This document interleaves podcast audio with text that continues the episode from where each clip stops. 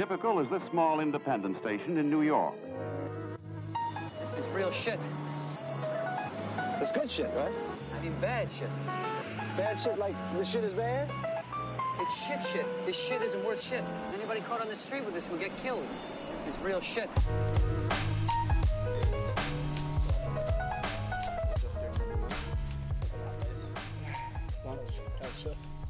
I band, Getaway People, Reiste til New York. Fikk platekontrakt med Columbia. Columbia i 1997. Ja. ja.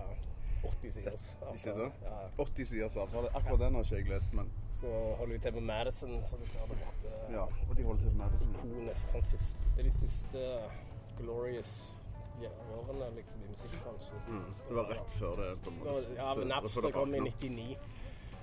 Når Napster kom, og så begynte det å vakle. Så når vi ga oss i 2001, da var det på tide å. Da begynte alt å Ja, da mer seg. igjen. Nei, da ble det veldig annerledes. Da. Men det er jo, altså kort fortalt, så er det jo, det er jo kanskje hovedgrunnen. men Først og fremst. Men så Det 97 var første gangen du var i USA, eller?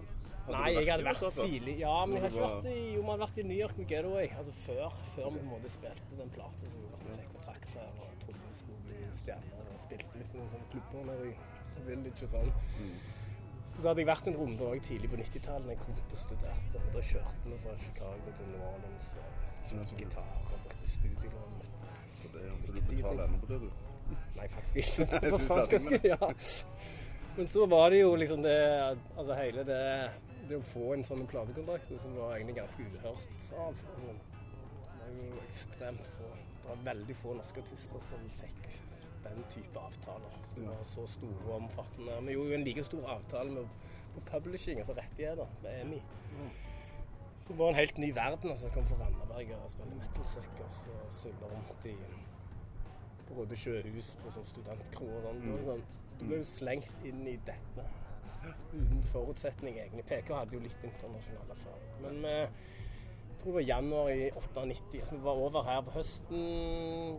Vi var, tok bilder, møtte plateselskap, gjorde alle de tingene. Og så flytta vi. Og lukta døren i Stavanger og fløy bort. Det var ikke den delige følelse.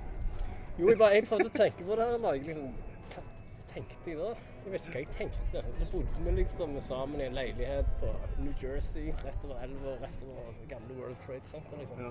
Sto på tredemølla der i et sånt s- nytt bygg i et sånn skabbet nabolag Mm. og jobbet og så liksom, hva er det man er holder på med? Ante ikke hva framtiden skulle bringe, liksom. Men det var egentlig ganske kult òg. Liksom, nå gønner vi på. Det må jo ha vært steinkult. Og så var vi ikke 19, jeg var liksom ikke 17, kan du si. Kanskje det hadde vært gøy på en annen måte. Men vi var jo liksom Hvor gamle var Vi du? var vel 27 ja, altså, utdannelse. Så vi var liksom kommet litt, litt lenger i livet enn en helt sånn kokoloko-greie. Men det gjorde jo òg at vi hadde jo produsert sjøl, vi var involvert i alt. Altså, vi var involvert i vår egen karriere. Og de beslutningene som ble tatt, da, var ikke bare i hendene på noen.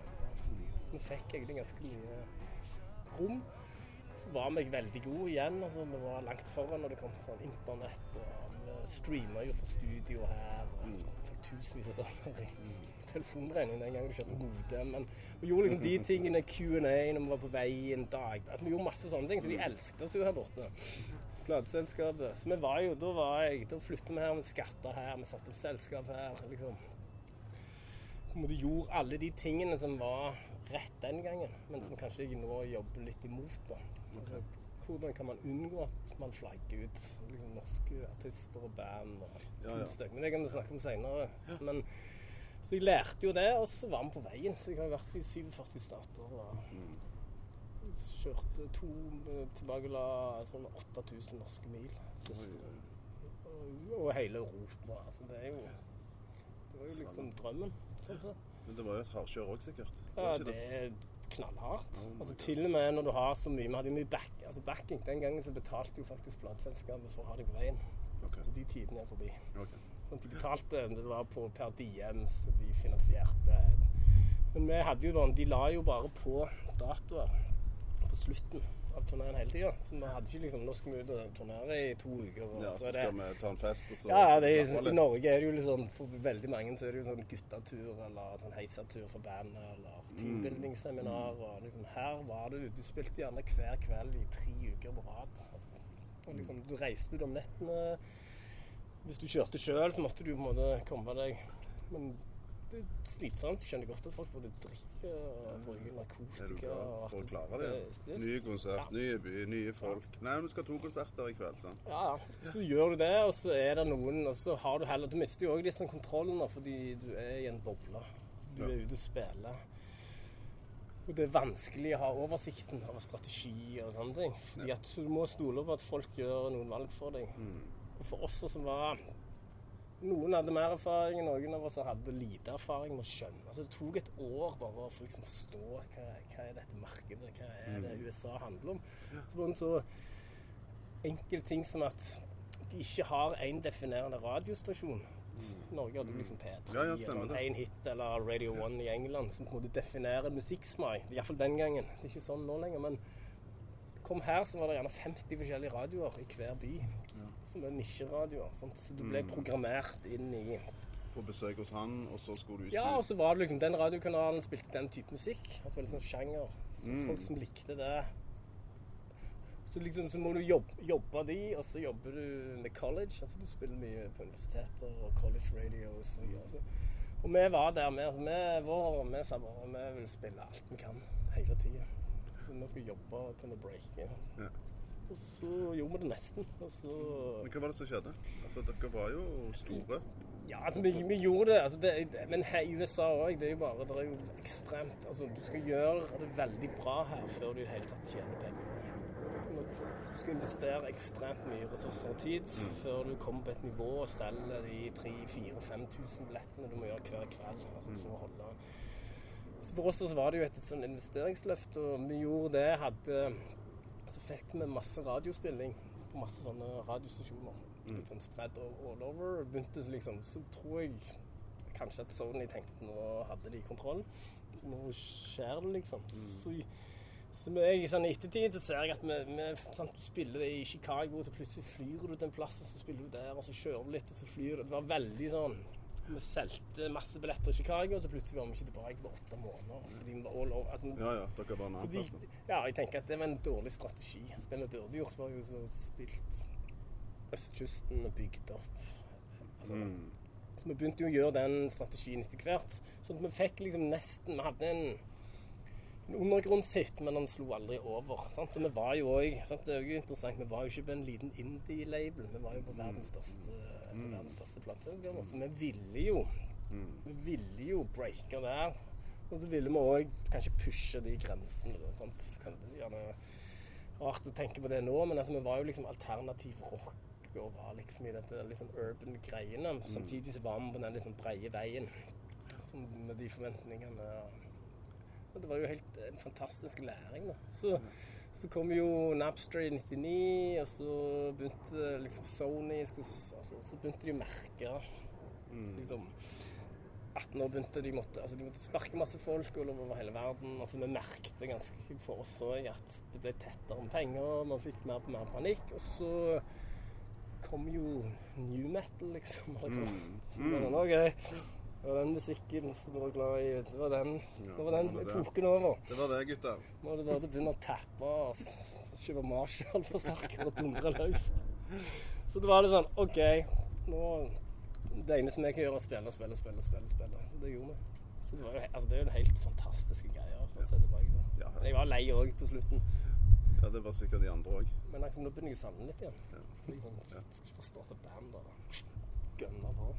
Men det kan du gjøre. Kan du ikke? Nei, Ja, ja, jeg ja. orker ikke. Det er litt sånn Du husker det som var kjekt, og så Ja, glemmer du det som var drit. Ja. Men det var en fantastisk opplevelse, og ikke minst så har jeg jo helt sykt bra nettverk fra den gangen. Altså, Mm. Som på en måte gjør at du De kan være her, jeg kan jobbe her, jeg kan bidra. liksom. Ja.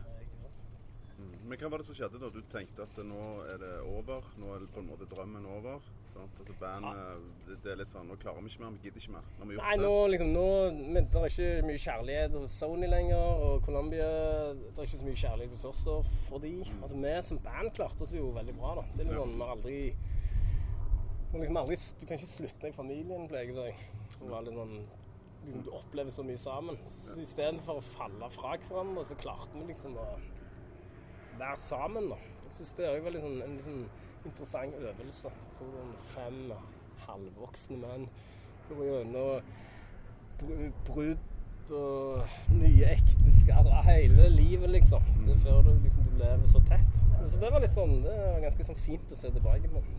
Men jeg vet ikke om det var jeg som sa et eller annet i New Orleans. Så sa jeg orker ikke mer, gidder ikke. Nå skal vi ikke bare gi oss mens det er greit. Så tror jeg ja, likte vi det. Og så flytta vi jo tilbake til Stavanger. da. Ok. 2001 eller annet sånt. PK ble vel værende. Espen ble værende. Ja, men Arne var litt fram og tilbake. Men det var sånn OK, jeg er nødt til å gjøre noe annet. Jeg er nødt til å ha et Jeg hadde behov for et vanlig A4-liv. Ikke rock'n'roll A4-livet, som også er et A4-liv i parallelluniverset. Så da flyttet vi til Stavanger, og det var jo ikke så krasjlandet. Liksom, helt Hva gjør du, liksom? For en overgang. fire år med bare dette og reist og spilt alt det der, så kommer du til Stavanger og så sånn What the fuck? Hva gjør vi her, liksom? Hva gjør jeg her? Så da var det jo litt sånn Jeg trengte å være lærer litt, grann, bare for å grounde meg. Så, Men du var lærer før du reiste? Hadde du utdannet deg til lærer? ja, ja, fordi det, liksom, på 90-tallet tenkte du det var enkelt å få studielån og læring. Bra Hvor, greier. hvor var det du gikk hen? Studerte du i Bergen? Eller? Jeg studerte i Stavanger. Ja. Lærerskolen. Ja. Så jeg gjorde liksom de tingene, og så var jeg òg øvingslærer for studenter og sånne ting. Så jeg har, liksom, jeg har jo foreldre som er lærere. Begge foreldrene dine er lærere? Ja, søster mi. Ja, Ja, så det var naturlig å Ja. gå den veien? Ja. Så jeg bare hadde behov for å gjøre noe sånt. Mm. Og så gjorde jeg det, og så var det som sagt litt, sånn, litt sjokk å komme tilbake til Stavanger i Hva gjør vi nå, liksom? Hva gjør jeg nå? Da traff jeg jo Martin, og så Margrethe som jeg er med, hun gjorde jo de første arrangementene på Tau. Mm. Før det. Første med Lindstrøm spilte plater og utstilling og sånn. Og så var jeg involvert i Jeg må være med i New Music, liksom. Har Martin gjort noen år. Ja. To, to år eller tre år. Så da må vi liksom må skape noe. Ja.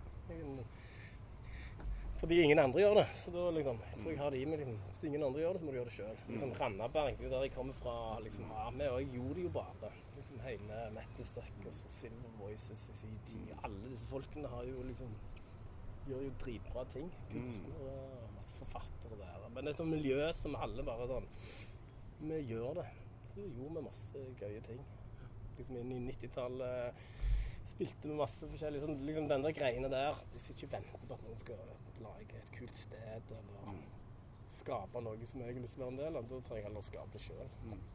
Så det er liksom Så da var jo det der han Stå og fryse på tau med ingen folk og Østre bydel og lage sinnssykt bra New Music-festivaler. Som nesten var et sånn pedagogisk prosjekt òg. Altså, hvordan lager du en elektronisk musikkfestival som favner alt. Liksom, har et sånn litt sånn litt akademisk tilnærming sånn. liksom har litt sånn historiske referansene prøver liksom å brette ut klubbmusikken da, i litt mer sånn akademisk perspektiv òg, for å vise at dette er en kultur som favner ekstremt mye mer enn liksom det man trodde da var piller og var liksom, den ulovlige dopgreien. Altså, vi, å gjøre det i en by der vi gjerne har et kjernepublikum på et sted mellom 15 og 20 mann, liksom.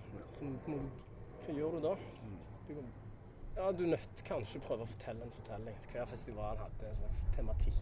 og Vise ene året gjorde vi liksom vise at det som skjedde rett oppi, oppi her, altså Bronx liksom, Hiphopen kom ikke ut av ingenting. Altså, den har i seg, men den har røtter tilbake til akademisk kunstmusikk i Frankrike med Pierre Henri, og konkretmusikken, og hvordan de klippte teiper og limte de, altså samples og loop-bevegelsene der, det var avstikkere til Jamaica og alt det. Sant? Så på en måte inviterte du det vi hadde råd til, som kunne, kunne komme og lage fest, men òg at de var i en kontekst og som på en måte prøvde å si noe mer. Så, for det du må Stavanger, der er ikke et det var, det ikke et grunnlag for å Det var ikke et økonomisk grunnlag, det var ikke et publikumsgrunnlag. Sant? Så jeg følte jo hele begynnelsen av 2000-tallet, hele det Altså det å være på tau omtrent hver dag, og som sagt, så var det kaldt. og det var få folk, og vi sto der og følte liksom du bidro bare for å holde dette toget gående. Så se hvordan det er. For det tar tid. Det beveger seg jo over tid. Og etter hvert så henger det fast hvis det blir bra nok. Så da gjorde jeg liksom de tingene der fram til 2008, tror jeg det var. Da kjente jeg at nå hadde jeg levert den festivalen. Så sånn skal New Music være. Liksom 2008-versjonen. Alle vi gjorde flere prosjekter i, i kultur. altså hovedstader Mm. Så ble jeg spurt av um, Det var vel i-park, Innovasjonsparken Svein Dybdahl og litt sånn og, og Kulturkompaniet Ole Petter om jeg hadde lyst til å starte et management for lokale artister. Så sa jeg det går jo ikke an. 2008. Det er jo ingen, det er jo ingen økonomi. Skal jeg liksom ta 20% av en artist som omsetter for 5000 kroner i året, liksom. Det er jo sånn barneskolematematikken i forretningsen. Liksom. Det er ingenting her som tilsier at det skal være fornuftig. Men hvis man kan prøve å se på det, fins det tilgang til kapital. Så man kan investere i talenter, sånn at de får tid til å jobbe. Jobbe med bra folk. Får tid til å finne roen til å skrive. Og ikke minst da kan vi bruke et sånt et selskap til å utvikle liksom, miljøet rundt selskapet. Fordi det var, ingen, det var ikke infrastruktur. Det var CCCAP som var et plateselskap. Utover det var det ingenting. Altså, det var ingenting. Stavanger er jo en by som har veldig lite innenfor det vi holder på med. Eller jeg holder på med. Så, så da gjorde vi det. Jeg fikk med meg eh, Sparebanken Vest og Visjon Vest og disse sparebankpengene som egentlig går til å kjøpe fotballdrakter og korpsinstrumenter til kids, liksom. Som er veldig snille penger, men de kan jo ikke brukes til et privat selskap. Altså, jeg hadde jo med meg Morten Abel på eiersiden, Thomas Dybdahl altså, Vi var liksom 17 Ja, ja. aksjonærer, masse bra folk. Så det skulle òg bli et selskap som hadde ressurser til å være med og jobbe med, med de vi valgte å på en måte se noe i det. Så da klarte vi satte vi opp en stiftelse, litt sånn juridiske ting, men altså, da fikk vi tilgang til jeg vet ikke, opp mot en halvannen million eller noe sånt. Så da var tanken at du på en måte investerer gjennom de artistene. Så da liksom at de får muligheten til å jobbe. Så kjøper vi tjenester lokalt, sånn at du får sprøyta økonomi inn i de som driver studioer og produsenter og merchandise og sånne ting. Så pengene fikk liksom liv. Det var bra for selskapet, fordi det var ikke økonomi, men det var ikke artister å tjene penger på. Så måtte, jeg hadde tre år, snudde timeklasse, hadde økonomi i tre år til å håpe at vi fikk til noe som genererte inntekter. Så det var bra for selskapet. Vi hadde liksom, det var ikke risikokapital som vi måtte ta. Så, så var det bra for artistene, fordi at de fikk tilgang til ekte ressurser til å jobbe med bra folk, og de fikk tid. Og så var det bra for miljøet, fordi at de fikk betalt. Og kunne, ut- så det var et sånt utviklingsprosjekt. Da. Så da jobbet vi jo med masse bra folk, altså. Blant annet Kvelertak i begynnelsen, vi gjorde første plate med de, og Purified in Blood. og ganske interessante avtaler med Universal med Purify, der vi ikke gjorde en Vi startet med satte opp bandet som AS. Så fikk jeg med Universal av alle ting på jord til å måtte kjøpe seg inn i, I AS, i. AS istedenfor å signe. Så i teorien kunne de da sitte der og la Sony kunne signe Sony. Sitte og høste. Det er sånn Ja, ja. ekstremt enkel. Ekstremt enkel, ekstremt transparent måte å jobbe på. Så jeg er litt sånn forundret at ingen Mm, det er ganske smart. så jeg, jeg fikk liksom testa Veldig gøy. Jeg fikk liksom testa mange sånne måter å tenke rundt sånn kunstnerøkonomi og artistøkonomi og finansiering av kunst. Fordi Og så, jeg, altså, så det er jo egentlig der jeg jobber, da. Hvis du spør mor og far min hva jeg jobber med, så vet de altså, vet ikke, skjønner ikke. Men det er liksom det skjæringspunktet mellom kunst og penger. Hvordan ivaretar man Altså, hvordan lar vi kunsten få være kunst, og den må være så bra som mulig? og hvordan tar man den inn i et marked? Enten markedet er definert som Norsk kulturråd, offentlig støtte, eller om at det er tradisjonelt kommersielt marked. Så, så det, jeg fikk liksom testa der. Så liksom jeg, når jeg, liksom, jeg skjønte òg at jeg ville ikke drive med management. og jeg, jeg pleier å tulle og si at jeg hadde ikke lyst til å være barnevakt for voksne. Liksom Få en gitarforsterker fra Finnøy til Ja. Kom på jobb nå. Nå, skal vi øve. Ja, liksom, det, det gidder jeg ikke. Og med den erfaringen jeg hadde, sånne ting, så var jeg, jeg var veldig interessert i strukturer og som sagt nye, hvordan overlever man i en ikke-økonomi i musikk. Jeg definerer når jeg underviser dette. Jeg liksom, Fram til 2000 så har du den gamle økonomien. Når musikk ble omsatt, du kjøpte og solgte musikk som vare. Så har vi ti år fra 2000-2010 som er ikke-økonomi. Og så har vi fra 2010 og nå framover er det liksom den, ny, den nygamle økonomien. Da, der musikk igjen har fått finansiell verdi. Sant? Så liksom jobbe med dette midt på 2000-tallet var jo helt spennende, men utfordrende. Som òg trigger Du er nødt til å tenke annerledes. Så begynner ting å skje. Sant? Så kommer det et Spotify, så kommer det et Ving. Så, men da ble jeg spurt av um, da tenkte jeg jeg, jeg, når jeg har gjort dette, men jeg holdt, vi holdt ut i fem år, liksom, og fikk ikke Jeg ville ikke drive et management tradisjonelt. Da måtte noen andre overta. Så jeg sa takk for meg. Og så ble jeg spurt av Bergen kommune om jeg ville ta tak i og få på plass et musikkinvesteringsfond som de hadde fått på plass. Som ingen hadde Det hadde ligget litt brakk. Fordi at de hadde et eh, På bakgrunn av bøl- Bergensbølgen så så jeg at her er det, skjer det masse ting. Kan Bergen være med og skaffe risikokapital til prosjekter og selskaper? Så hadde det ligget litt sånn, og de hadde òg gjort eh, FUS, som det heter. Som var filminvesteringsgreiene. sant? Men politikerne kan jo ikke dynamikken, de kan ikke økonomien i dette feltet. og sånne ting, Så de trodde jo på en måte la meg gjøre akkurat det samme. Liksom, la meg hente inn masse privatkapital og sånne ting. De forstår ikke at film har en helt annen finansieringsstruktur og avkastningsstruktur for, gjennom reguleringer. Mens musikk er jo mye mer som et helt vanlig. Du investerer og kan enten tjene fordi et selskap gjør det bra, eller at prosjektene går godt. Og sånn. Så jeg fikk gjort det, da. Fikk jobb med det i nesten fem år òg. Vi hadde fire millioner. Ganske spenstig. Klarte ikke å bruke, den, klarte ikke å investere alle de fire millionene. Fordi det var ikke nok selskaper og prosjekter som var rigga til å kunne gi av finansiell avkastning. For det var prosjektet.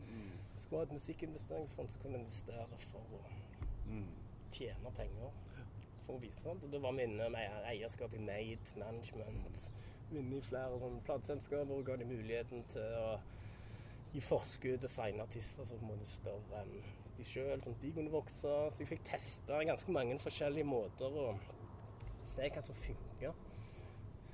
Så hadde jeg da mot slutten der, så utfordra jeg styret mitt og eierne, Bergen kommune, fordi at Bergen er for liten. Det er for lite, det går ikke an. Altså, det er for få selskaper og prosjekter som er lagd for å De er rett og slett for små, omsetter for lite, har for lite overskudd. De, de er ikke Vi trenger å utvikle, vi trenger tid til det, men at vi kunne gjøre det nasjonalt. Så jeg fikk hente ut noen penger fra Kulturdepartementet og har egentlig jobbet fram til i år med et nasjonalt musikkinvesteringsselskap. Så sa etter tre statsråder, holdt jeg på å si byråder og mye skiftninger og sånne ting, så fikk jeg endelig for eksempel, Enten må Bergen si ja, dette vi er med på, eller så må de si nei, vi ønsker å av og gjøre noe annet. Så De takte høflig nei til slutt. Da. Så nå Hva er veien videre nå, da? Nei, for, det, for Buss i Bergen så er det en liten underlagst eh, brak og blitt litt eh, snillere, tror jeg. Ja. Mens jeg eh, har tatt det med meg videre og jobber nå med å sette opp et musikk, musikkinvesteringsselskap i, Oslo. Mm. Så jeg jobber masse bra folk der. Og har løst utfordringene med å investere i små selskaper som er bra fordi de er små. Så jeg har brukt sykt mange år på det. Mm. Men kort fortalt så måtte jeg kikke tilbake til 50-tallet og se på kooperativmodellen og samvirkemodellen. Hvordan var det den, da? For da har du, et, da har du en skaleringsplattform okay. som gjør at, eh, at kapitalen Altså, Da kan du investere i mange prosjekter. Og så jobber man med prosjektinvesteringer istedenfor å kjøpe seg inn og sitte på eierskap. For da lar man prosjektene være prosjekteierne. Altså om det er plateselskapet management, og det kan være å lansere en artist i USA som gjerne koster fort 5-6 millioner kroner, eller 10 millioner for den saks skyld. Du lar de eie prosjektet, og det er, de, det er deres prosjekt. De presenterer planene sine, og de presenterer målene og, og mil, mile... Hva heter det? Mm, milestones, ja, altså og- fremdriftsplan og ja, alle sånne ting. Og så, så presenterer de òg økonomien i dette. Hvis man får da, hvis man får to millioner kroner, hva, hva skjer da? Jo, sånn og sånn og sånn. For da får man litt sånn tilbake til det jeg snakket om. litt sånn det som vi ikke gjorde, vi flytta bare og ble en aktør her og genererte penger for et multinasjonalt gigantselskap. Men utfordringen i Norge er jo at vi er så små. og de sånn si, tilskuddsordningene vi har og sånne ting, det er ikke nok kapital i de til i det hele tatt å kunne ta sånne løft. Så hvis det er et selskap skal lansere en artist i USA, så den eneste måten å finansiere det på, er jo å gjøre avtaler her. Hvis du gjør avtaler her, om det er med et plateselskap eller et co-management eller publishing, det er der avtalen er signert, det er der pengene går. Så ender du opp med altså de som på en måte fant Astrid S eller Sigrid i begynnelsen, liksom, at det ender fort opp med at de blir utvannet hele tida, fordi det er ikke reelle finansielle ressurser i Norge til å ta det løftet. Og Det betyr òg at kunnskapen kommer jo ikke tilbake. Men, så vi er liksom råvarenasjon nummer én. Sykt mye bra ta talenter. Vi har mye snille penger gjennom offentlig, offentlige tilskuddsordninger og sånn. Altså muligheter for å få gjort mye som ikke koster. Altså risiko. Men når man kommer og skal ta de løftene, så må man finansiere det gjennom å segne vekk. Segne vekk. Så ender man der. Så Det er derfor dette selskapet vi nå starter sammen med eksternt bra folk i Oslo, handler egentlig om at vi har løst må løse det fordi at det er Hvis du investerer, hvis du lære kooperativet, så sprer du risiko, og du får nok volum til at investeringene og pengene dine kan gi god avkastning når prosjektene lykkes. Sånn som det er å som sagt, lansere en artist i et annet marked. Om det er en turné, det kan være en merchandise-kolleksjon, det kan være å vokse, altså bygge selskap. Men ikke sitte Eller la noen få penger til å kjøpe rettigheter. Til å generere. Sånn at du, og da begynner du å bygge Alle de du da jobber med, blir en del av en sånn økologi der du òg kan dele kunnskap. Og du kan aktivere både investorene med den kunnskapen de har. Du kan aktivere de prosjekteierne, de selskapene. Og så, så bygger vi òg et studio, produksjonshus, på Økern i Oslo. Som blir jobbet, tatt, tatt med meg Helen Hard, dratt de med over der. Og som er Hovindbyen, som er det største byutviklingsprosjektet i Oslo noensinne. Som er midt i det. da. Så jeg har jobbet med det i halvannet, to år. Så det er jo ingen grunn, nesten, nesten ingen grunn til at jeg er i Stavanger lenger, tenker jeg. På, Men du er jo ikke der heller. Iallfall ikke nå. nå. nei, jeg vil jo være her, da. Da sitter du på et tak. Praktfullt. Ja, Hagen min. Med utsikt over Manhattan. Utrolig fin utsikt. Og så har vi noen maisblader her som koser seg. Dillen og maisen som ja. blomstrer. Kult. Men når var det du dro tilbake igjen til New York, da? Altså, For da havner du jo i Stavanger. Altså, fra det var med, altså, da, ja, altså, jeg har liksom gjort alle det, Det er sikkert dritkjedelig å høre på og fortelle den hele løpet, men det, det er liksom Hvis det er en slags lineær ting da, som henger sammen, fordi at det ene fører til det andre. sant? Jeg, bygger det, jeg holder på å bygge et musikkinvesteringsselskap og kapitalselskap i Oslo nå sammen med superbra folk. Jeg er blitt spurt og har vært eh, styreleder for Fond Flyt og Bilde, som er på en måte som er forvalter liksom det gamle kassettavgiftsfondet. Du kopierte ti skudd på kassetter, og så betalte du skatt, altså avgift på kassetten, fordi de skulle kompensere for det at folk kopierte og ikke kjøpte originalen. Ikke sant? Så ble det, fra å være det, så har det blitt liksom todelt. Det ene er fortsatt dette folk privatkopierer ennå lovlig, så det er fortsatt kompensasjon. Samtidig så er det blitt så er det politikk, Så kulturpolitikk, virkemiddel. Så liksom det å sitte og lede og være liksom, Da er du tett på Kulturdepartementet, det er de som har utnevnt meg. Jeg jobber Fordi tett at Fond for lyd og bilde ligger under eh, Kulturrådet? sant? Ja, det er administrert sekretariatet mitt er under der, så Ja. vi er jo veldig tett. Sant? Så jeg jobber jo tett med Kulturrådet, Mm. både nye, i forhold til nye strategier, i forhold til ny kunstpolitikk og sånne ting. Så liksom voksenstein kan være voksen òg, Ja, ja. så jeg må. Så jeg, liksom, så jeg syns jo det er ekstremt spennende. da. Hvordan lager man god kunstnerpolitikk? Og jeg var jo òg med og skrev den utredningen til Vigdis Osgarstein, altså økonomien, kunstnerøkonomi utredningen, som fortsatt ble brukt hele tida, var jo med en liten håndfull folk som ble spurt om å bidra inn som en ressursgruppe. Skulle egentlig møtes fire ganger. Så endte vi opp med å ha tolv samlinger, tror jeg. Og bare jobbet med å skrevet noen av de kapitlene. Så liksom så plutselig så får du den innsikten òg. Liksom som går på dette med hvordan ser kunstnerøkonomien ut? Hvordan påvirker norsk skattepolitikk eller helse, altså eh, sosiale goder, moms, altså alle disse problemstillingene.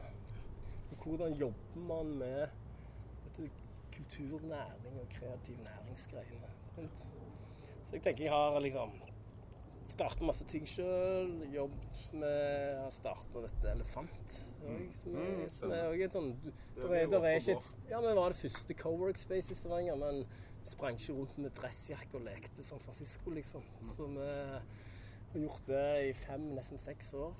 Liksom fordi jeg trengte, eller vi trengte et sted med bra folk. Rett og slett. Vi er nødt til å ha folk som gjør Som jobber internasjonalt, som har vidsyn, som er flinke, som gjør forskjellige ting.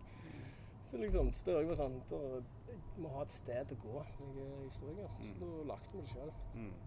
Så det er jo liksom Du blir ikke rik av det, men du blir rik av det. Ja, ja. Livet blir rikt. Så. Men hva var det som dro deg tilbake til NTNU? Ja, For det var var bare at jeg var tilbake jevnt og trutt hvert eneste år. Ja. Altså Fordi jeg var nødt. Komme meg vekk og lufte hodet, treffe folk, opprettholde kontakt og se hva som skjer. Sant?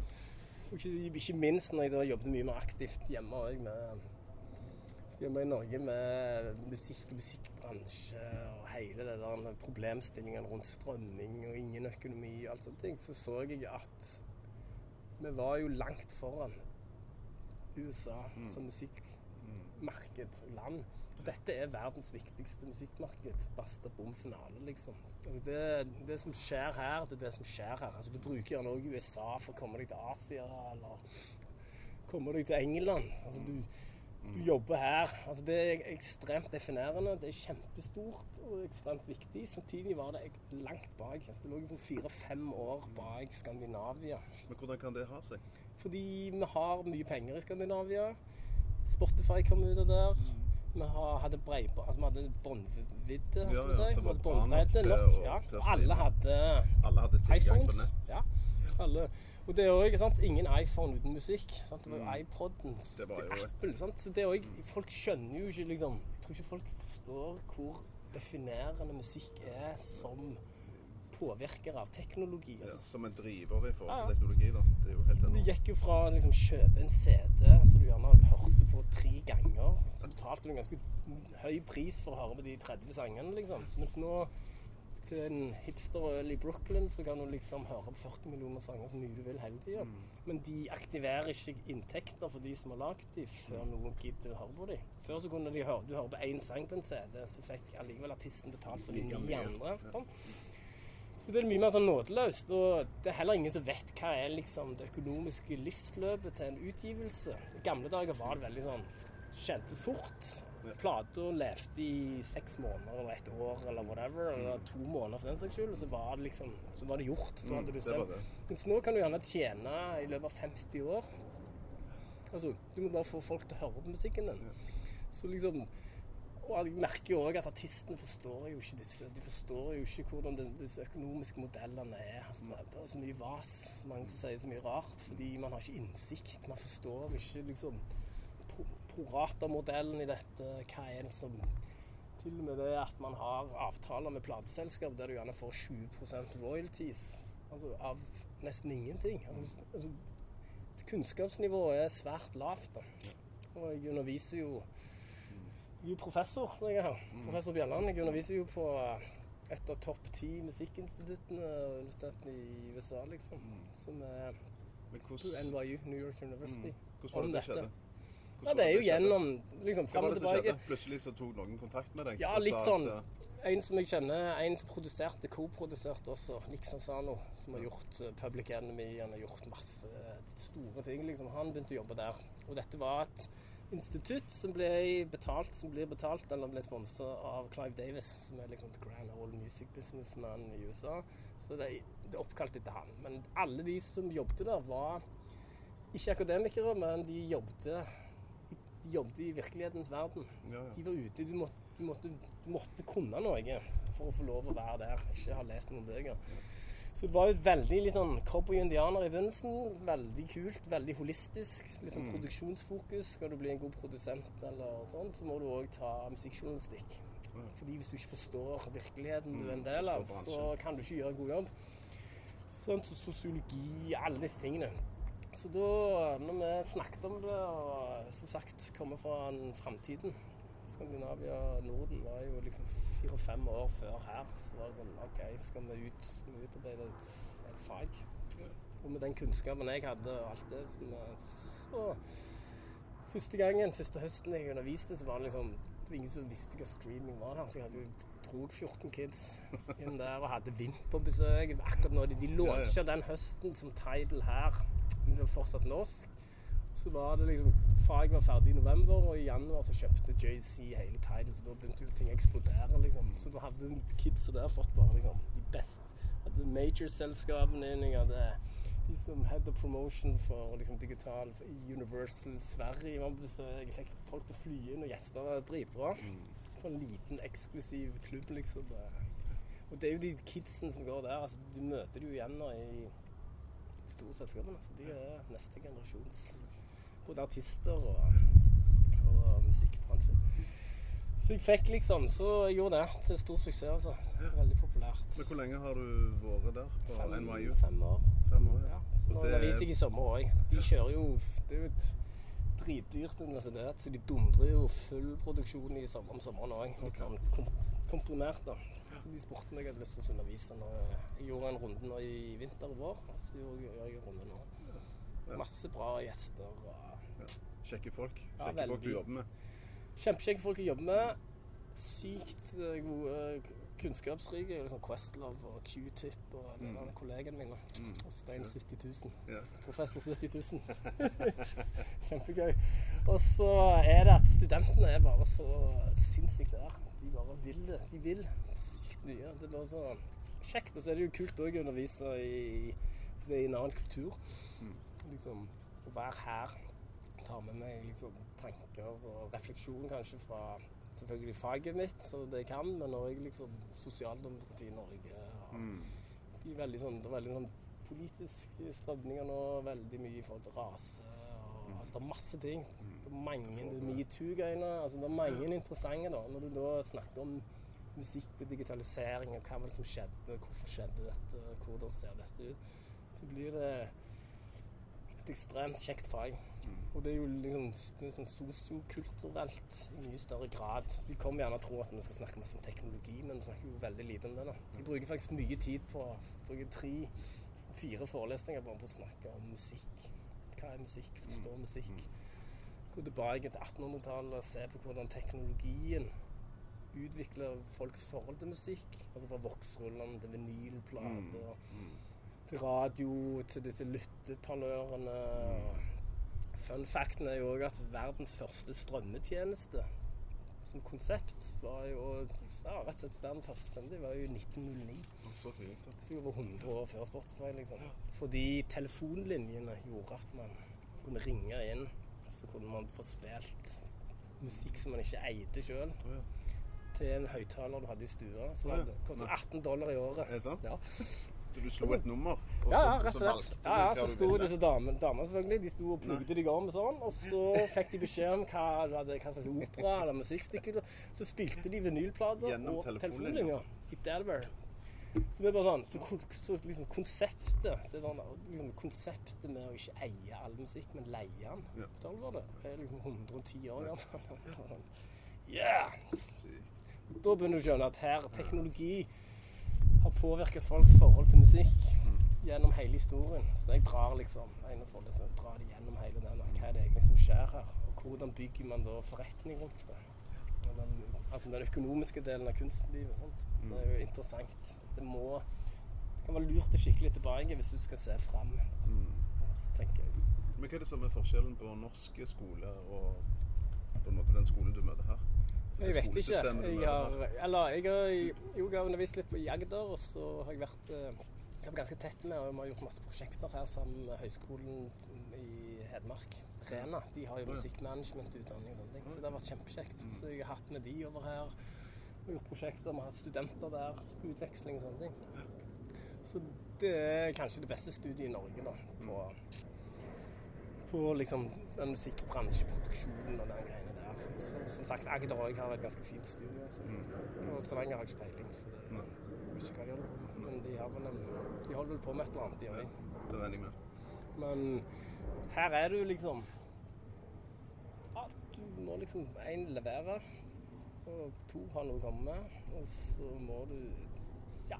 Og jeg, altså Fordelen min er jo som en gammel mann er jo at jeg får, jeg får enormt bra tilbakemelding fra kids som bare er der. Liksom, hva som skjer? Hva, hva er det man jobber med nå? Hva type sjanger? Hva er det som beveger seg? Undergrunn, overgrunn? Hvor er man inspirert? Er Bare det å være der er liksom Så har jeg noe eh, jeg si det gjør jeg. Det liksom Du kan være forholdsvis gammel i denne bransjen, men fortsatt være relevant. Da.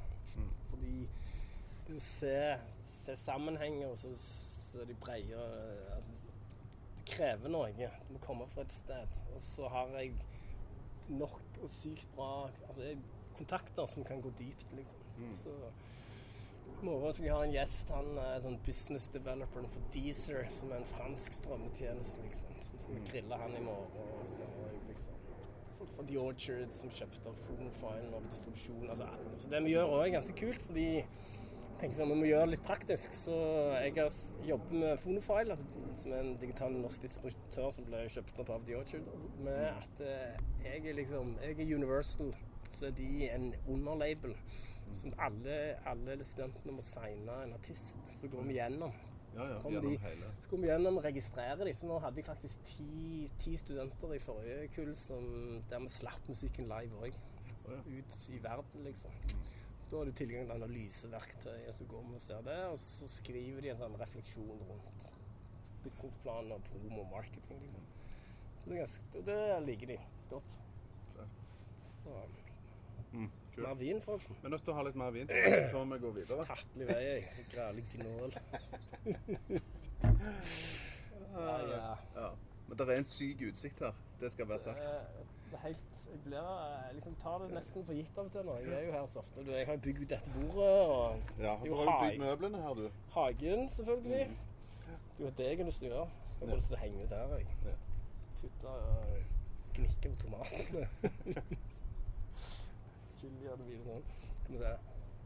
Ja, du fikser mer vin. Jeg fikser vin. Fikser litt mer. Det en slags rute, tenker du? Ja, ja. Vi er i rute, vet du. Klipper du? Du klipper bitte litt av og Jeg, til. jeg klipper. Så lager du sånn ping! Jeg klipper en liten en hvis jeg trenger det, men ofte så er det, er det deilig å bare ha, ha det sånn som det. Ja. Fordi at det skaper den der på en måte, den der eh, atmosfæren.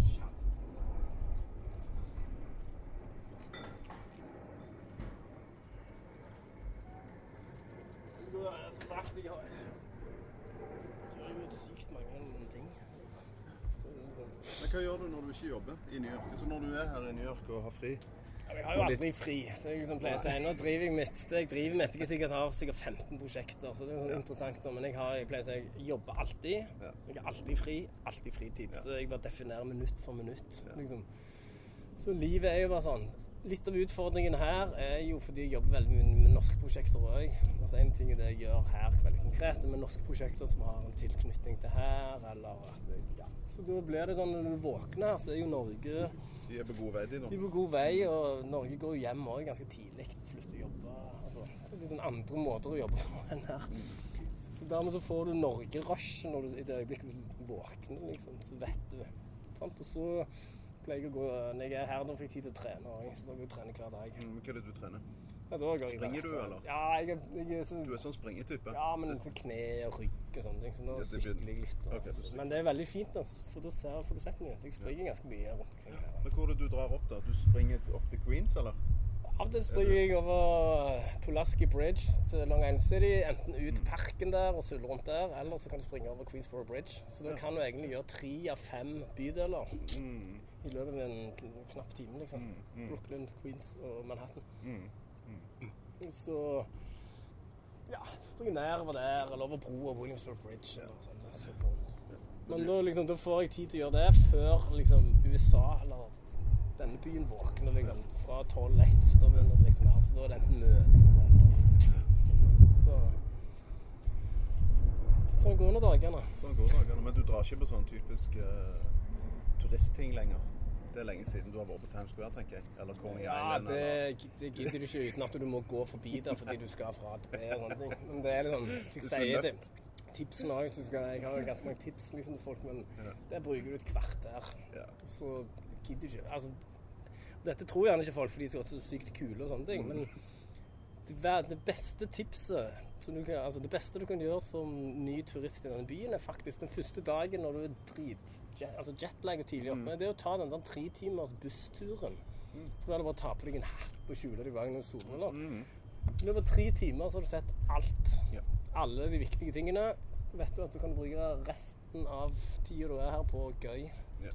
Kan du eventuelt gå tilbake hvis du har lyst til å gå opp i Empire for å se litt hvordan den ser ut. Som er veldig fint nå. Det er fint når du er der oppe, Ja. men det er, jo, det er jo et hassle å komme dit. Med Ja. kø og mas. Ja, ja. Så jeg vil jo Jeg er jo sånn Ha maks én aktivitet til dagen, og så ha tid til å sulle rundt og henge ut. Spise og drikke. Og så ikke minst liksom Første gang du er i New York, så bruker du gjerne mest tid på Manhattan. Så liksom, da har du gjort det. Så må du komme deg ut her og i bydelene, liksom. Mm. Så jeg liker Subway-systemet òg, jeg. Ja, det er skambra. Jeg, jeg syns det Det er helt glitrende. Folk hater det jo her, men jeg Ja, syns det, det men- sviver ganske godt. Det sviver fader så bra. Og så er jo genistreken her òg. Vi har jo altså det er et vanvittig bra Nå har de bygd ut de siste to årene. Elvebåtsystemet. Fergene. Ja, ja, de er kule. Ja. jeg så i Stavanger skulle jo foreslo det, men altså, det er bare å kikke her. Mm. Jeg har Altså, foreslått det. Ja, ja. Det er dritbra. Ja, så det. Da er tror jeg la ut en link her. Men det er dritbra, og du kan komme deg òg til stranda, liksom, for 2,75. Og, Ja, det er ikke mer. Det er samme ja, de har skrudd ned. Så de Alt ble De tok, de tok en skikkelig runde på det i Ja, for det var mye dyrere. Ja. Før fire. Nå er det 2,75. Er det sant? Ja, så innen 90 minutter så kan du bare kjøre hvor du vil. Så det er genius. Så det er også sånn tips. Mm. Tips nummer to. Ja. Tips nummer to ta båten. Tips nummer tre gå til høyre i trappene Ja. sjøl. Og ikke virre rundt på fortauet og kikke på kartet. Ikke stopp plutselig opp Nei. midt på fortauet. Vi hadde en sånn i går her oppe. Herregud a meg, altså. Hva tenker Folk, de på? folk blir gamle, og de er så lei av sånne turister som suller sulle rundt. Vi var på markedet i går bak eh, Naturhistorisk museum. Det er Ja. sånn eh, antikkmarked Ja. der på søndagene. Og der er det sånn et, eh, et sånn et, ja, en sånn flaskehals rundt hjørnene der før du kommer deg inn der du skal. Med fullt av turister med svære ryggsekker Ja, ja. som bare stopper. De, de, de, de full stopp. ja. Og det er som sagt, New Yorker hater det. Og det er liksom alltid sånn ti-fem tegn på at du er turist, liksom. Men sånne ting. Bare.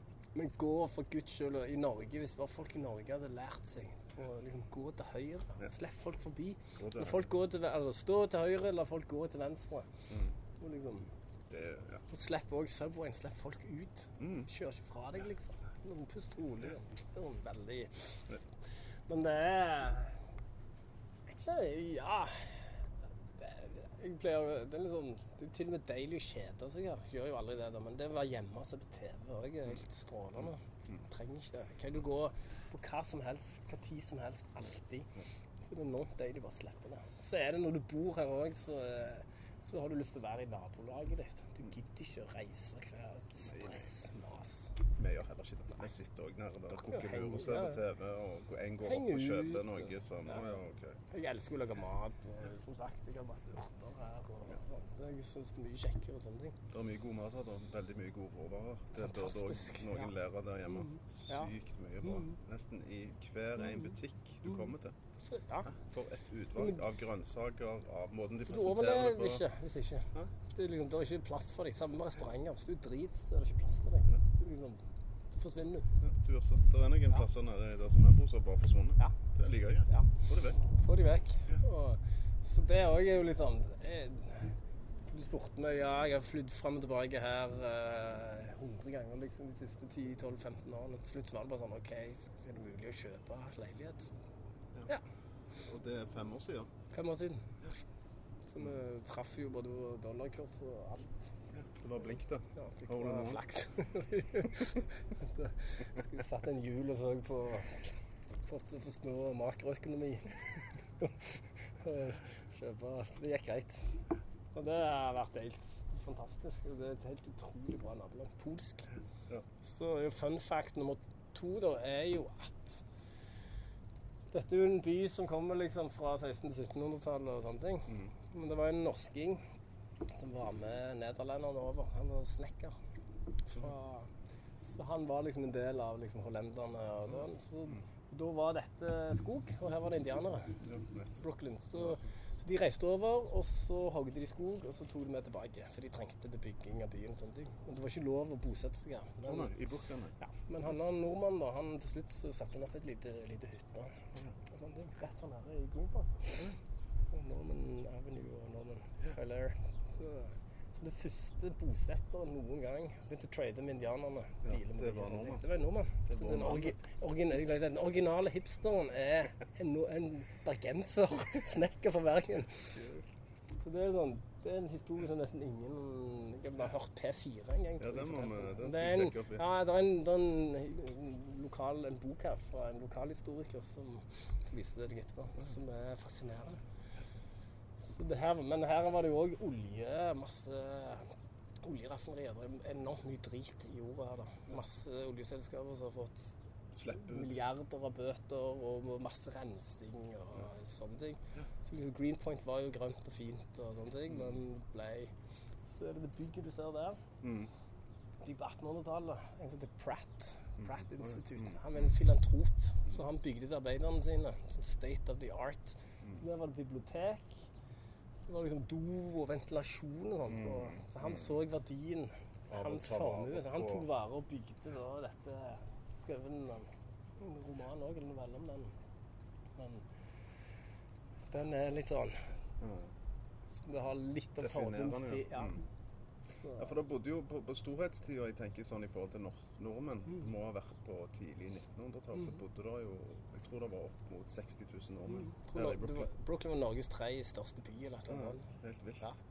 Altså, altså Bergen Avenue og Lapskaus Avenue kalte de det, og alle disse sant, Mm. butikker og barer. Bay Ridge, helt ute med Verrazano Bridge. Ja, ja. Liksom, tanten og onkelen til farmen bodde jo der. Ja. De kom hjem på 70 De har liksom var her før krigen. Han seilte, tror jeg. Sånn. Det. Men hun snakket like dårlig engelsk hele livet. Skikkelig sånn Stavanger-dialekt. Bodde bodd der i 100 millioner år. De kom hjem liksom og bare med susen. Jeg tror det er òg litt sånn tilbake til det du spurte om Det må jo ha tidlig. deg. Ja, liksom, det er noe der, da. Far min hadde vært var over her på 60-tallet noen måneder og bodde hos de. spilte litt, Han spilte litt golf og sånne ting. Så jeg vokste på Randaberg, jeg hadde lyst til å tok sånn golftimer bare for å hadde lyst til å være en del av Vet ikke. Ja, Så, så når jeg da fikk sjansen den gangen og flytta, bare hoppet på det, så tok sjansen, liksom, jeg tror jeg har det i meg. da. Jeg er ekstremt glad i å være i bevegelse. Alt jeg gjør, enten det er fysisk eller liksom mentalt, det er liksom beveger seg framover. Men klarer du å slappe av? Er du sånn type som må ha 100 prosjekter, eller klarer du liksom å oh, Nå er det bare litt rolig. Jeg er ganske god. Og det tror jeg lærere det der å ha 60 kids med familier å forholde deg til. Det er jo liksom 60 små selskaper. Så du får sånn, eh, du skal holde deg orientert, informert. Så du lærer å håndtere enorm mengde med kunnskap og holde oversikten. Så jeg er, jeg er sykt god til det. da. Så jeg kan ha alltid 12-15 prosjekter. Ja. Så jeg blir Jeg er ikke en dårlig drifter, men jeg syns det er kjedelig. Så jeg ser muligheter liksom den der tidlig der å se, skape noe, bygge noe, konstruere noe på en eller annen måte. Jeg er veldig god på og kan drifte hvis jeg må, men det er ikke der jeg er flinkest. Og så er jeg enormt nysgjerrig, da. Liksom, jeg synes det, så, det er òg liksom det å være undervise her og sånne ting. Det å kunne invitere helt sykt bra gjester som bare jobber med de beste selskapene og de beste artistene. Bare at jeg Mm, kan ha dem som gjest, mm. melke de. Jeg får lov å spørre de om alt jeg lurer på. Så Jeg blir bare sakte, men sikkert litt Og så er det noen andre som betaler for det. Ja, er er genius. deilig. Ja, det, men jeg syns det Jeg har en enorm respekt, og jeg kjenner ekstremt mye bra folk som går veldig dypt. da. De er spesialister. Om det er på ja, produksjon eller på hva som helst. Så det er jo liksom hva jeg må være liksom tilbake. Jeg, det er jo ikke en I forhold til det jeg holder på med, så går det ikke an å være i Stavanger. Liksom. Der, er, der er jo ikke en musikkbransje. Det er litt artister her og der. Norge òg er jo knøttlite, egentlig. Men jeg hørte jo den podkasten Isabel og liksom Stavanger Kartell og sånn. Jeg syns jo det er- er litt ut som man må. Du trenger mer enn de. Ja, du trenger Det er bare starten, det. ja, du trenger en sånn kritisk masse, da. Som du, du får aktivert og får satt litt fyr på ting. Og liksom igjen, Jeg kjenner meg jo igjen og liksom alltid starta og drevet i gang og lagt lagd festivaler og konserter og konsepter og ditt og den. Mm. Liksom, hvis du ikke gjør det, så er det ingen andre som gjør det for deg. Og Stavanger, folk som du snakket om før òg, folk flytter jo. De glir litt ut. Så må vi jeg, syns jo kanskje òg altså Den andre delen av det Folk flytter, men de flytter stort sett bare enten om det er inne, inn i Norge, så blir det bare mer av det samme, bare i en litt større Altså Oslo òg er en knøttliten by. Og så er den største fra mitt Jeg, jeg syns det er en stor utfordring da, at det er ekstremt få som har reell internasjonal erfaring. Alle jobber internasjonalt. I Norge betyr det at du skyper med folk, reiser på noen trade shows eller messer eller ha noen møter.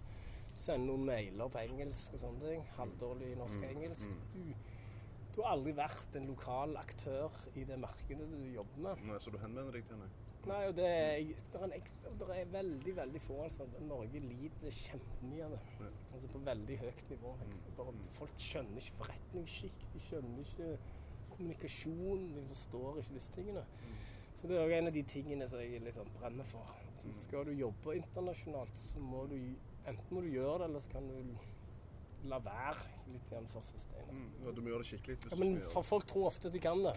Ja. Altså, De tror virkelig at de kan det, fordi de gjør akkurat det. De skyper litt, de reiser litt rundt. Og nordmenn er jo overalt alltid. Men du er aldri på et sted lenge. Du jobber aldri som en lokal aktør.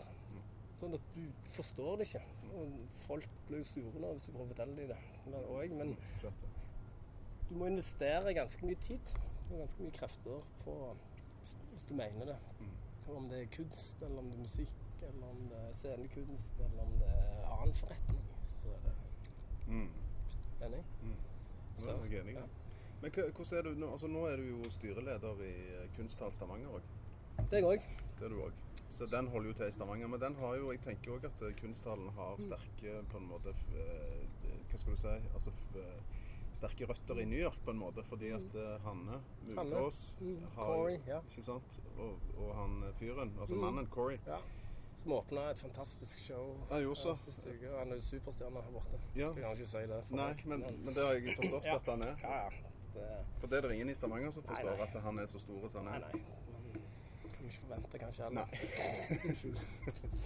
Men du sitter altså som styreleder der. Ja. Eh, og Mugås har jo eh, fartstid fra New York. Hun har jobba på Er det MoMA hun har vært på? Mm. Ja, Eller er det Guggenheim? Hun har Eller hørt masse av de tingene. Drevet galleri her. På en måte. Hun har jo vært her. Ja, hun lært hit. faget her. Sant? Men det er òg sånn når du da kommer Som egentlig er fantastisk. Sant? Mm. Og klart at da ta, altså, Kunsthallen eller Kunstmuseet eller altså Kunstinstitusjoner er jo summen av både selvfølgelig styret, men det er jo de som er der hands on. Og det er jo sånn det skal være. Mm. Sant? Det skal ikke være alt for alle alltid. Liksom, nå har vi, når Hanne er der, så er det i kraft av den hun er, og det er erfaring og de nettverk. Så det er klart at det å ta med seg det, det var det jeg klikket sånn på òg.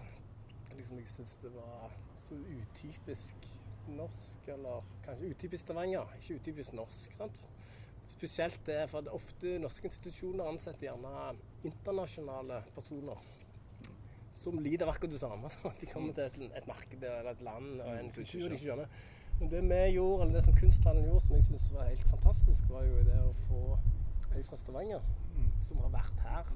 Så har den kompetansen. Ja, som kommer med et blikk da, og en måte å se ting på fra en, et, et, kunst, et, et kunstfelt, men også et kunstmarked som ikke har noen snille penger, som jeg kaller det. Altså, de har ikke tilskudd. Jeg nekter å si støtte, for vi jeg synes ikke at vi vi er ikke støttemottakere. Så jeg prøver å si prøver barnslig å være barnslig, da. Kaller det alltid for tilskudd, fordi at vi har noe som har en verdi. Men det å ha den, som komme til Stavanger på å ta med seg det syns jeg var ekstremt viktig, da, fordi jeg på en måte har gjort akkurat det samme sjøl.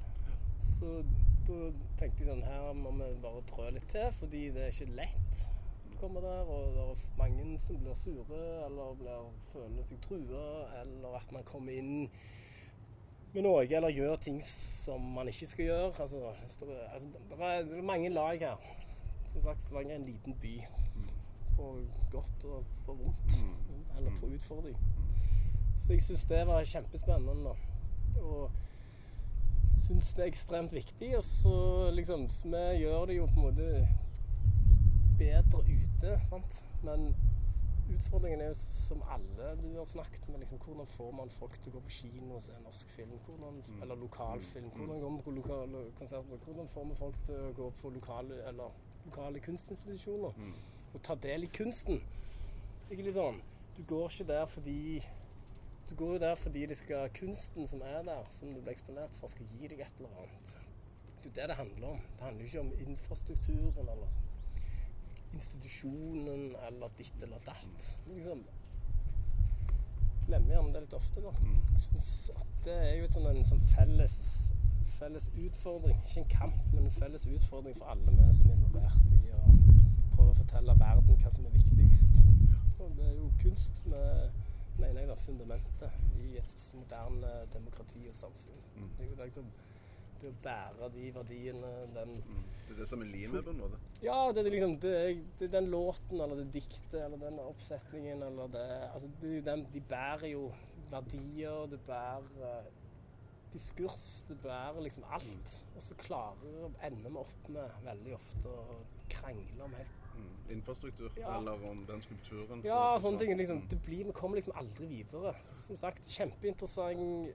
Mange ting å si om det, og jeg håper at noen skriver en bok eller et eller annet om det en eller annen gang. Men det handler jo om et finansieringssystem. Det handler om vi er med som by, hva ønsker vi med de institusjonene man har.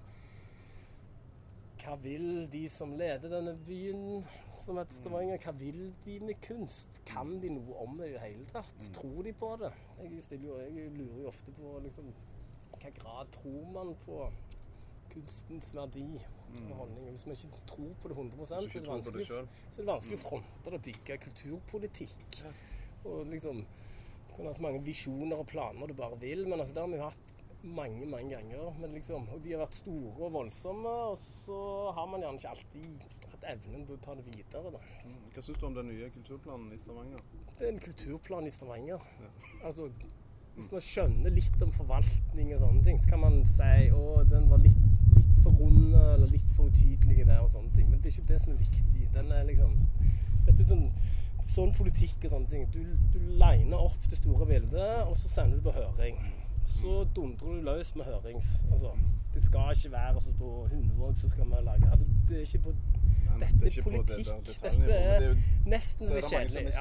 Ja. ja, ja. Men det er nå så. Men jeg har jo skrevet, vi har jo skrevet Fond Flyte Bilde òg har jo vært altså, høringsinnspill. Altså, men min jobb nå som styreleder er å forstå hva, hva er min rolle her. Jeg skal på en måte si skal være så tydelig vi klarer, men vi skal òg være litt sånn så løse at det nesten blir sånn Det er en øvelse du skal gjøre, det er viktig å gjøre den, og det handler om viktig for oss og for de som leser, men det, det skal inn i denne permen med alle høringssvar, og det skal si noe om en tendens stor.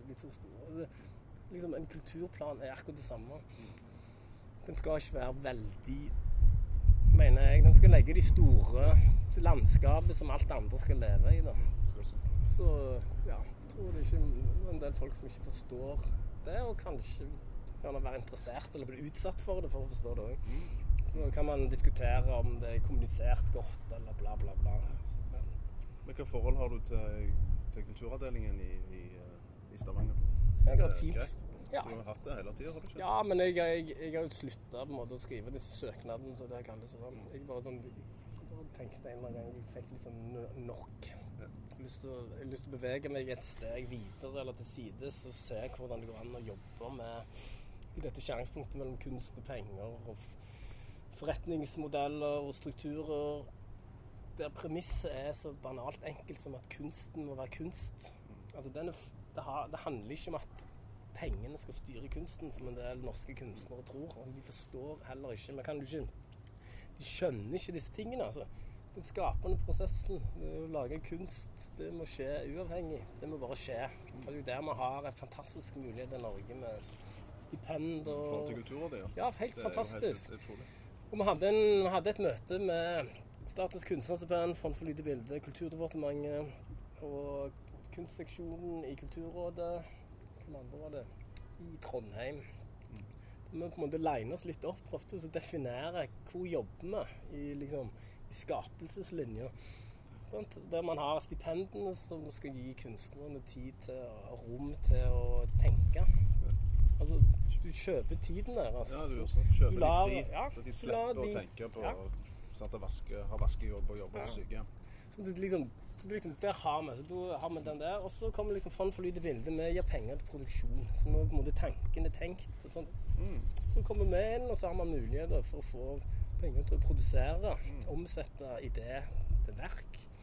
Så jobber vi òg litt med den formidlingsbiten. Sånn, liksom. Men det er noen som forstår det. Så, så liksom når kunstnerne da tror at fordi man sier kunst til penger, eller marked og kunst i en setning, så mister man, forstår man ingenting. Altså, da bør de heller puste rolig, til ti og så tenke litt. Altså, kunsten må være sånn som den skal være. Det er premisset. Det er premisset. Det er liksom, og det er faktisk et produkt. Mm, er. Og liksom, Norge har strevd med å, å, å kunne si at kunst er et produkt, men det er faktisk et produkt som blir omsatt. Sånn?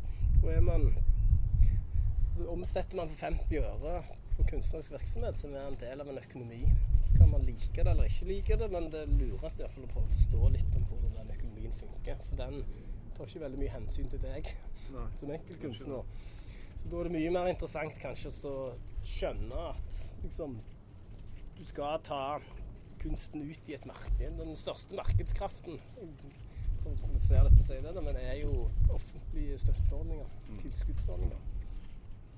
Så det som, det som er gøy å si her, når jeg snakker med amerikanske kunstnere, og sånn, er jo som er kjempemisunnelige på oss, og vi lever i Disneyland og ditt og datt. Spørsmålet er jo hva gjør det med kunsten i Norge? Liksom, hva type kunst lager man? Kontra her. Her er det jo å ha tre jobber for å kunne drive. Altså, du bare jobber alltid for å få tid, for å få muligheten til å gjøre, skape det du Altså, driver. Og det, så var det litt med musikk òg. Jeg tenkte litt sånn Jeg har en fin venn, en bra venn, som eh, er manager for en av de store norske produsentene som gjør det dritbra rundt omkring. Som, sa, som har pleid å si at 80% av norske kunstnere er liksom middelklassen sitt sjølrealiseringsprosjekt. De vi kan. Vi har det så fuckings godt. godt. Vi har det så godt. Det er så mange, det er så mye til, altså det er så mye, mange muligheter. Og da liksom, hvis man tenker litt det, da, som er helt fint altså, Det skapes mye bra kunst, musikk og sånn fra der òg, men det er liksom den to, to vanturer i Tyskland med å sove på gulvet og ha noen røverhistorier. Og ei fotoalbum før du kommer hjem og stifter familie og får deg voksenjobb for å på en måte skyve 40-årskrisen til på 50. Det er litt sånn, litt stygt sagt, men det er, er noe med det òg. Og igjen, det skapes mye fine opplevelser og fin kunst av de òg. Men liksom, de siste 20 da, eller 10 liksom, det er bare må. Så min eh, analogi er alltid sånn OK, se for deg at du spiller country i Stavanger, liksom. liksom. Har du i deg det samme altså, du bare flytter de til torget i Nashville, liksom, og spiller der, har du samme motivasjon? Og ikke lidelse. Det er òg en sånn misforstått om meg. Man snakker ikke om at kunst og lidelse er liksom Det er noen plasser det er interessant å snakke om, men det handler om forsakelse. Det, det å drive og være kunstner er et forsakelsesprosjekt som handler om å velge vekk noe til fordel for noe annet. Og i et land der alle skal eie leilighet når de er 25, reise rundt verden rundt på ferie, de skal realisere seg sjøl, de skal ha liksom eie masse ting. Mm, Ja, de skal ha bil liksom- og ja, gudene møtt. Ja, det er liksom Hvor stort er dette? Hvor, å forsake, velge vekk de tingene da, for å ha, for å ha under minstelønn. For å prøve å si noe viktig om samfunnet vi lever i. Liksom. Da, da er det nesten ikke plass til disse middelklasseprosjektene som bare skal ha en Instagram-konto som ser bra ut i noen år. Da er det liksom, for meg er det som sagt, jeg er veldig glad i de, og vi tildeler mye penger der, og det er viktig. Altså En viktig del av norsk kunst- og kulturliv er den biten der. Og all ære i forhold til det, men det er òg hvordan legger man til rette for de som, som bare er der og må det. Ja, ja, de som virkelig Ja. må det. Og jeg, jeg synes at det er liksom jeg, brenner veldig for det, da. Og det syns jeg er viktig. Og hvis jeg kan bidra, enten om det er å gjøre sitt styre og kjempe for at vi får en kunsthall som bare provoserer og pusher alt. Og, eller om det er det jeg holder på med for meg sjøl, eller liksom, om jeg sitter i symfoniorkesteret sitt styre, eller sånne ting. Så er det liksom Derfor gjør jeg det. Mm. Og så det er liksom Ja. Men det har jo skjedd store endringer innenfor Kulturrådet hele tida, egentlig. Ja. Det har gjort det helt fra starten av. Så det er jo ikke noe som er på en måte konstant eller stabilt. Det skal jo ikke være det. Altså, Det skal jo ikke det heller. sånn at det, det er jo alltid endring. Så hva som er, og hvor, og hvem, og hva kriterier. og sant? Områder en satser på, hva som trenger penger, og hvem som egentlig ikke trenger og sånn. Men det er jo veldig sterkt altså Det er knyttet til en altså, politikk, altså samfunnet, som en sånn levende organisme. da. Liksom, hva er det som skjer, hva er det vi trenger, hvorfor? Det er sånn pendelen som svinger, denne aksjonen og reaksjonen og sånt. ikke sant? Og Nå er vi inne i ganske efne tider, kan man si det. Altså, det er ganske å være her, liksom, liksom litt ledd av hele den Trump-greien. Men altså nå det, skjer noen ting nå som er ganske ekle, syns jeg. Er frustrerende å se på. Det er en retorikk som pushes hele tida. For jeg har tenkt at OK, klarer ikke å ødelegge et land på fire år eller åtte år, og det gjør det sannsynligvis heller ikke, da, men det gjør noe med et medmenn, et klima da, blant folk, som du ikke merker så godt i New York, fordi at New York er liksom Her er alle. Det funker. Det er lagdelt. Noen er nederst på hakkestien, men det funker. Og det er en slags sånn Vi er rause, vi omfavner alle. Det liksom, det er derfor vi er her. Vi elsker det, og New York skal være sånn. Men skal ikke så veldig langt ut forbi her før det begynner å bli ganske emment. Fordi det er retorikk som ikke er forankra i sannhet. Eller Ja, det skal man. ja, det er liksom ikke den faktagreiene. Det devaluerer innsikt og fakta og kunnskap. Så du kan alltid krangle om det og ha politiske diskusjoner. Men vi har jo ikke politiske diskusjoner i dette landet. Det er en sånn brannslukking, og alle følger Trump fra dag til dag. Men du sitter aldri nær og hører folk, politikere, snakke om politikk. Du har eksperter som snakker om politikk, Mm. og analysefolk. Men liksom, du har ikke disse Og det er ganske skremmende. Og det er så mye av det. Altså Det pøses på med så mye sjukt at liksom, Jeg kjenner litt på den. Ja, det skjønner jeg. Ikke om du Jo, jeg, jeg kjenner på den, men jeg bor ikke her. Men jeg, altså, det er jo noe vi kjenner på alle. Altså virkelig liksom Det er noe Og de sårene kommer til å være ganske store lenge nå. Ja, det tror jeg. Så kan man jo si òg at OK Det er fortsatt veldig få liksom, demokrater som snakker om den hvite, underutdanna, diskriminerte mann, liksom, i Rust. Altså, man snakker jo ikke om de ennå, selv om de er en stor grunn til det som har skjedd. og sånne ting. Er Så liksom, ja, det er merkelig. Jeg synes det, er sånn, man, det er ikke en del av agendaen. Og, men det òg lærte jeg jo her når jeg liksom flytta her i slutten av 90-tallet, var jo at det er sjukt komplisert. Veldig komplisert. Og rase rase ja. Altså hvordan det overalt. Det er noe vi ikke kan forstå. Nei, det er umulig å Det har jeg forstå. forstått. Det er, Det jeg. det, er ganske vanskelig. Fordelen er da når du er en kviting fra Norge, at du faktisk kan gjøre sånn, så slipper de å banke meg på skolen. Ikke sant? Altså, altså de kan unnskylde meg, de kan spørre. Fordi om vi liksom, om har sånn, dumme spørsmål. ja, for vi har sånn faculty-møter, og de henter inn eksperter for å lære. Altså, det er så mye som skjer, og ungdommen er så opptatt av det. Og de har òg vært så på tuppa forhold til dette blir støtt her òg. Mm. Og det er ganske komplisert, sånn, men da er det faktisk greit å være en Den halvgammel, sur eh, åndas fra Randaberg. Ja. Jeg, jeg leste en novelle av han, eh, han eh, Baldwin, James Baldwin Mm. nå mm, for noen dager siden. Så jeg kjøpte her. Jeg pleier å gjøre det når jeg er i New York. Kjøper sånn klassiske litteratur. Litt sånn, sånn. Fra 60-tallet om raseproblematikken. Og den er jo eh, liksom Det er jo helt ekstremt eh, Ja. Altså helt ekstremt å lese. Ja. Og så liksom eh, Og det stikker veldig dypt og veldig bredt, og det er fryktelig vanskelig å få ta tak i. Og det handler om identitet og tilhørighet og minoritet mot Altså det er så mange greier her som gjør at amerikansk politikk er liksom Kan ikke bare sitte og le av Trump. Bare sånn. Og det er Så jeg prøver så godt jeg kan å lære. Henger med. Men jeg, vi får jo håpe at han ikke får fire nye år, i det minste. Og hvis Ja. han får, så får vi bare håpe at det går godt. Ja. Og, Men, det er vel mye som tyder på at han får fire nye år, tror du ikke det? Ja, det kan fort. Det sånn? Fordi at nå har det blitt en kamp mellom at Man har polarisert nå. Mm. Det er sånn Enten er du med altså den der, Hele retorikken handler om det. da. Han, eh, han som står opp for de som alltid er blitt trødd på. Fordi det har ikke vært politisk korrekt. Altså, nå må du forstå dette i aller beste mening, men altså, det er mye mer politisk korrekt å snakke om farge, altså rasisme basert på farge, enn En disse som ingen har, tatt, ingen har stått opp for noen gang. Så når han da kommer og sier at jeg skal fikse dette for den gjengen i Washington som nå drevet på dere, Mm. Liksom. Ja. når du da har banken står og banker på døra for å ta huset ditt fordi at jobben din forsvant altså, Og du jobber, du har to jobber, Hillary. og du tjener ikke penger. Og du stemmer ikke på Hillary Clinton da, som kommer litt for sånn Porsche-etablerte greier. Så liksom Den greiene der, men den er ikke tatt mye tak i, altså. Den er ikke det. Jeg syns det er litt sånn, rent sånn i forhold til det mellomvalget som kommer til høsten og neste så, så, så, Hvordan de har tenkt å løse det. Men det òg handler jo gjennom at altså, rasepolitikk her er lada og komplisert og vanskelig. Akkurat som religion. Ja.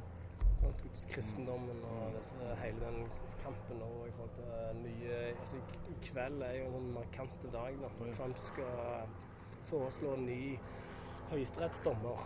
ja, sant? Så da får han for andre gang i sin periode sant? Så hvor konservativt hvor kristent og hvor antiabort går han, liksom. Mm. Og de sitter jo til de dør eller gir seg. Så De nå, sitter på livstid, ja. ja, så nå har det vært et skifte, så nå er det fem mot fire, som er ganske konservative. Altså de har, og de har ofte stemt langs partilinjene. Så nå settes det inn, foreslås det en ny kandidat i dag, som sannsynligvis kommer til å sitte i 20-25 år. Og folk her heller, tror jeg. Altså, de følger jo ikke med. Så den påvirkningen, altså, det er Høyesterett, er de som tar de prinsipielt store avgjørelsene. Det kommer til å få ekstreme, kan få ekstreme følger. da. Så nå kommer det, så foreslås den, og så blir det vel en sinnssyk kamp, da. Så når Obama satt, så var det jo òg en ledig Men han foreslo, men republikanerne trenerte det helt til Trump kom. sant? Feige lag. Så Men du ser jo altså norsk politikk òg. Du begynner jo å se disse de De strømningene, ja. Ja, de plukker opp med retorikken og måten å være på og snakke på. Altså de de liksom Ja. Så ja. Jeg hører det. Jeg hører Siv Jensen på, på Politisk kvarter om morgenen. Hun òg på en måte har jo den retorikken. Ja, de At, ja, det er din de- sannhet, på en måte. Ja, de, tør, de tør å si det mye tydeligere, liksom. Før hadde de aldri kunnet sagt det. Og hun der Sylvi Listhaug der, hun er, jo, hun er jo en av de. Så, så det, Skål. Skål for det. Ikea-glassene. Dang! Det er ikke Ikea-utsikt, da. Nei, den er amazing, som de sier her borte. Du, det er her du kan tenke stort. Ja. Jeg elsker det. Og på. Og det er jo noe med dette landet og denne byen. Altså, det er en, en utrolig energi. En driv som er bare som det, pleier, liksom, Det er et engelsk ord som heter 'complacency', som jeg av og til trekker fram. Jeg skal snakke litt En slags, slags ubevisst latskap. Ja. Man blir sånn halvveis bare fordi at man, man blir Norge har av og til litt det i seg, tenker jeg. Stavanger òg. Hvis jeg er skikkelig stygg og får provosere, så er det liksom det middelmådighetens by. Man er på en måte fornøyd når man har gjort det greit nok. Så nå blir liksom folk veldig sure på meg, da. Men det er noe med det, liksom. Den Å, godt være det feil og det er tullete sagt, men det er noe med liksom Igjen Hvor langt er man villig Altså hvor mye er man villig til å investere for å komme videre, liksom. Og du prøver jo på dine måter veldig hardt gjennom disse tingene òg. Det å ha lange monologer. Vi tenker langt. Jo, men det er noe med det, da. Og jeg, som sagt, jeg måtte Når vi kjøpte her og sånn, så var jeg måtte bare vekk. Det gjør på å råtne. Eller Kjente det veldig på meg, da. Men istedenfor bare å klage, som jeg òg for så vidt gjorde til de jeg kjente, og sånne ting, så jeg gjorde jeg iallfall noe med det. Så er det å finne en sånn fin flyt som funker. Men Så jeg tenker jo Stavanger De trenger en kritisk masse med folk som skaper ting, for å få litt fart på det. Og, og som òg har ambisjoner som er store, og har evnen til å gjennomføre ambisjoner som er store. Tenker jo i forhold til kulturhovedstad Jeg var jo den eneste, i hvert fall som jeg husker den gangen, som var i forhold til etter, dette fondet etterpå, som sa istedenfor ut, ikke utlyste Ikke laget et søk på prosjekter, men gi ti miljøer en million og be de levere. Det var mitt forslag den gangen. Og det tror jeg vi hadde kommet mye lenger med. Mm, det tror jeg. Um, Gi litt sånn prosjekt her og ditt og datt. Og at det utfordre og invitere Det var jo miljøene til blodfattig Mm. sant, og tafatt. Mm. Det var jo det. Det var mye de skulle gjort annerledes, men det sier de jo sjøl òg nå. Det sier jo Rolf òg. Eh, Jo, men de torde ikke den Nei, gangen. de Det, det. det er liksom Min opplevelse av å jobbe i Bergen i fem år for Bergen kommune var jo liksom, Bergen er nødt til å være best i Norge. Det ligger i DNA-et deres. Og den drivkraften altså De på en måte kikker forbi Oslo òg, de skal være best, best i Norden. Og det er så rota i liksom, det bergenske folkesjelen at, at man er villig til å teste andre måter å jobbe på. Man, man går til kunstmiljøet og ber de skrive kunstplan. Altså, liksom, I stedet for at noen altså, Man går ut og så ber, ansvarliggjør du de som sitter der. De må skape noe og være med og lage. Så setter man seg ned, og så finner man og Det koster noe, og man finner finansieringen, og så jobber man mot et, et mål da, som man har blitt enige om.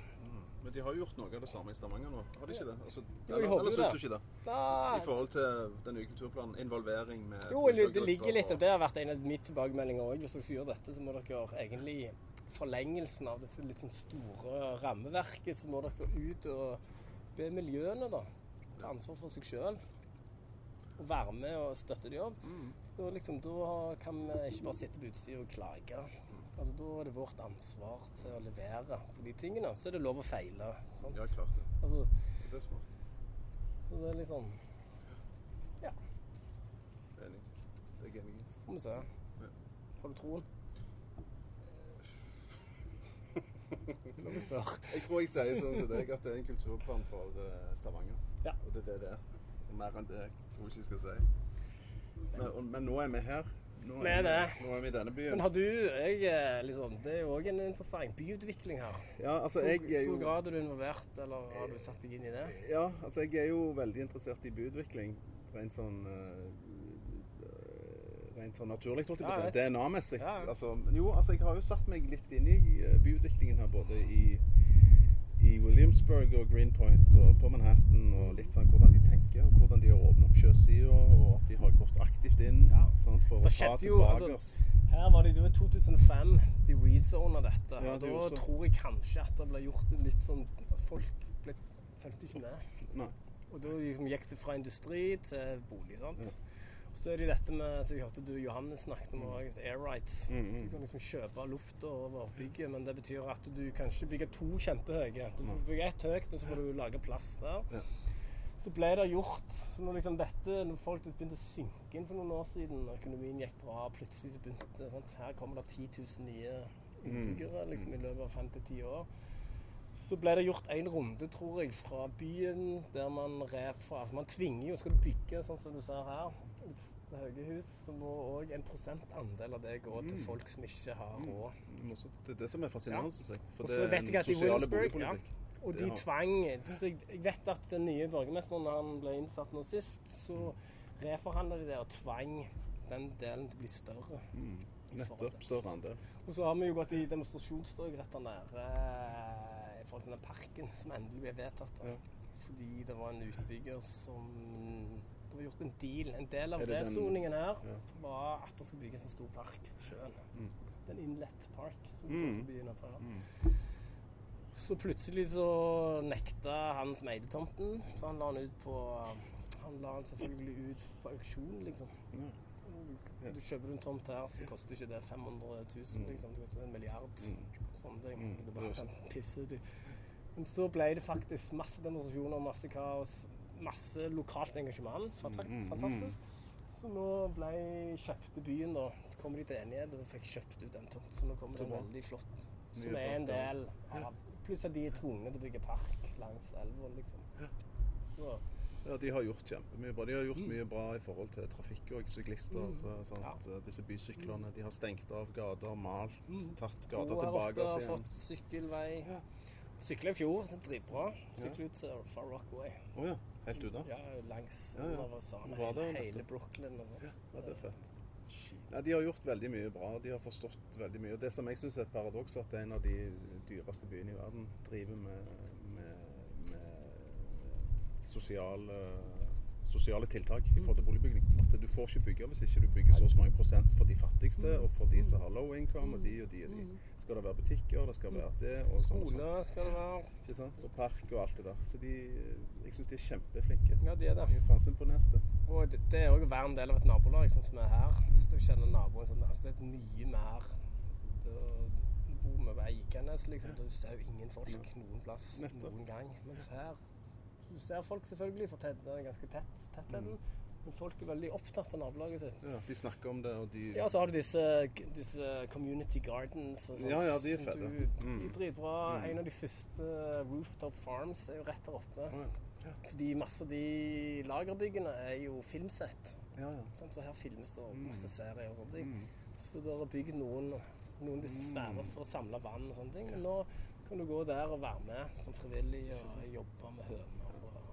Jeg så ei dame med høne Kult. nede. Gikk med svære skål, liksom, så hang en sånn hipsterdame. Dame- hipster- Var ute med høna si. Det var morsomt. Nei, det hørtes Det fælt ut, men eh, her går det jo. Her går det det, ja. Så Domino Park er jo nye. Ja. Den åpna jo nå Ja, nettopp, så vi har jo vært der en del nå, for vi bor i samme gata. Jeg sprenger der en dag for å se. det er jo Kjempefint. utrolig fint, egentlig. Folk Fullt av folk. Ja, og de de er så vennlige, og de, det er ingen som Ingen ja. som fodler, det er ingen som drikker, det er ingen som bruker engangsgrill, det er ingen som sitter og synger. Nei. Og øh, alt det der. Folk er veldig sant. Ja. Flinke, de oppfører seg, og de er veldig vennlige. Masse øh, dyr, altså masse hunder. Mm. Veldig Utrolig utsikt. Fantastisk. Fantastisk. Men det er jo litt sånn dette, Det er jo nesten ingen i punktum 1, det er nesten ingen i New York som kjenner som eier Norge. Det er jo Mm. typisk i Norge at du kan klare å finansiere et eller annet med å skrape sammen det du har, og låne deg til ørene, liksom. Mm. Så du kommer ikke inn på boligmarkedet der etter boligkrisen. Altså, Egenandelen er så knallharde at folk har ikke råd til å kjøpe. Og det er dritdyrt. Det er skamdyrt. Og folk har ikke uteområder. Altså, dette er Ja, dette er jo megaluksus. dette, Det er hagen min med den utsikten under oss. Men derfor må du ut. Du må ut i parkene. og du må respektere uteområdet. Ja.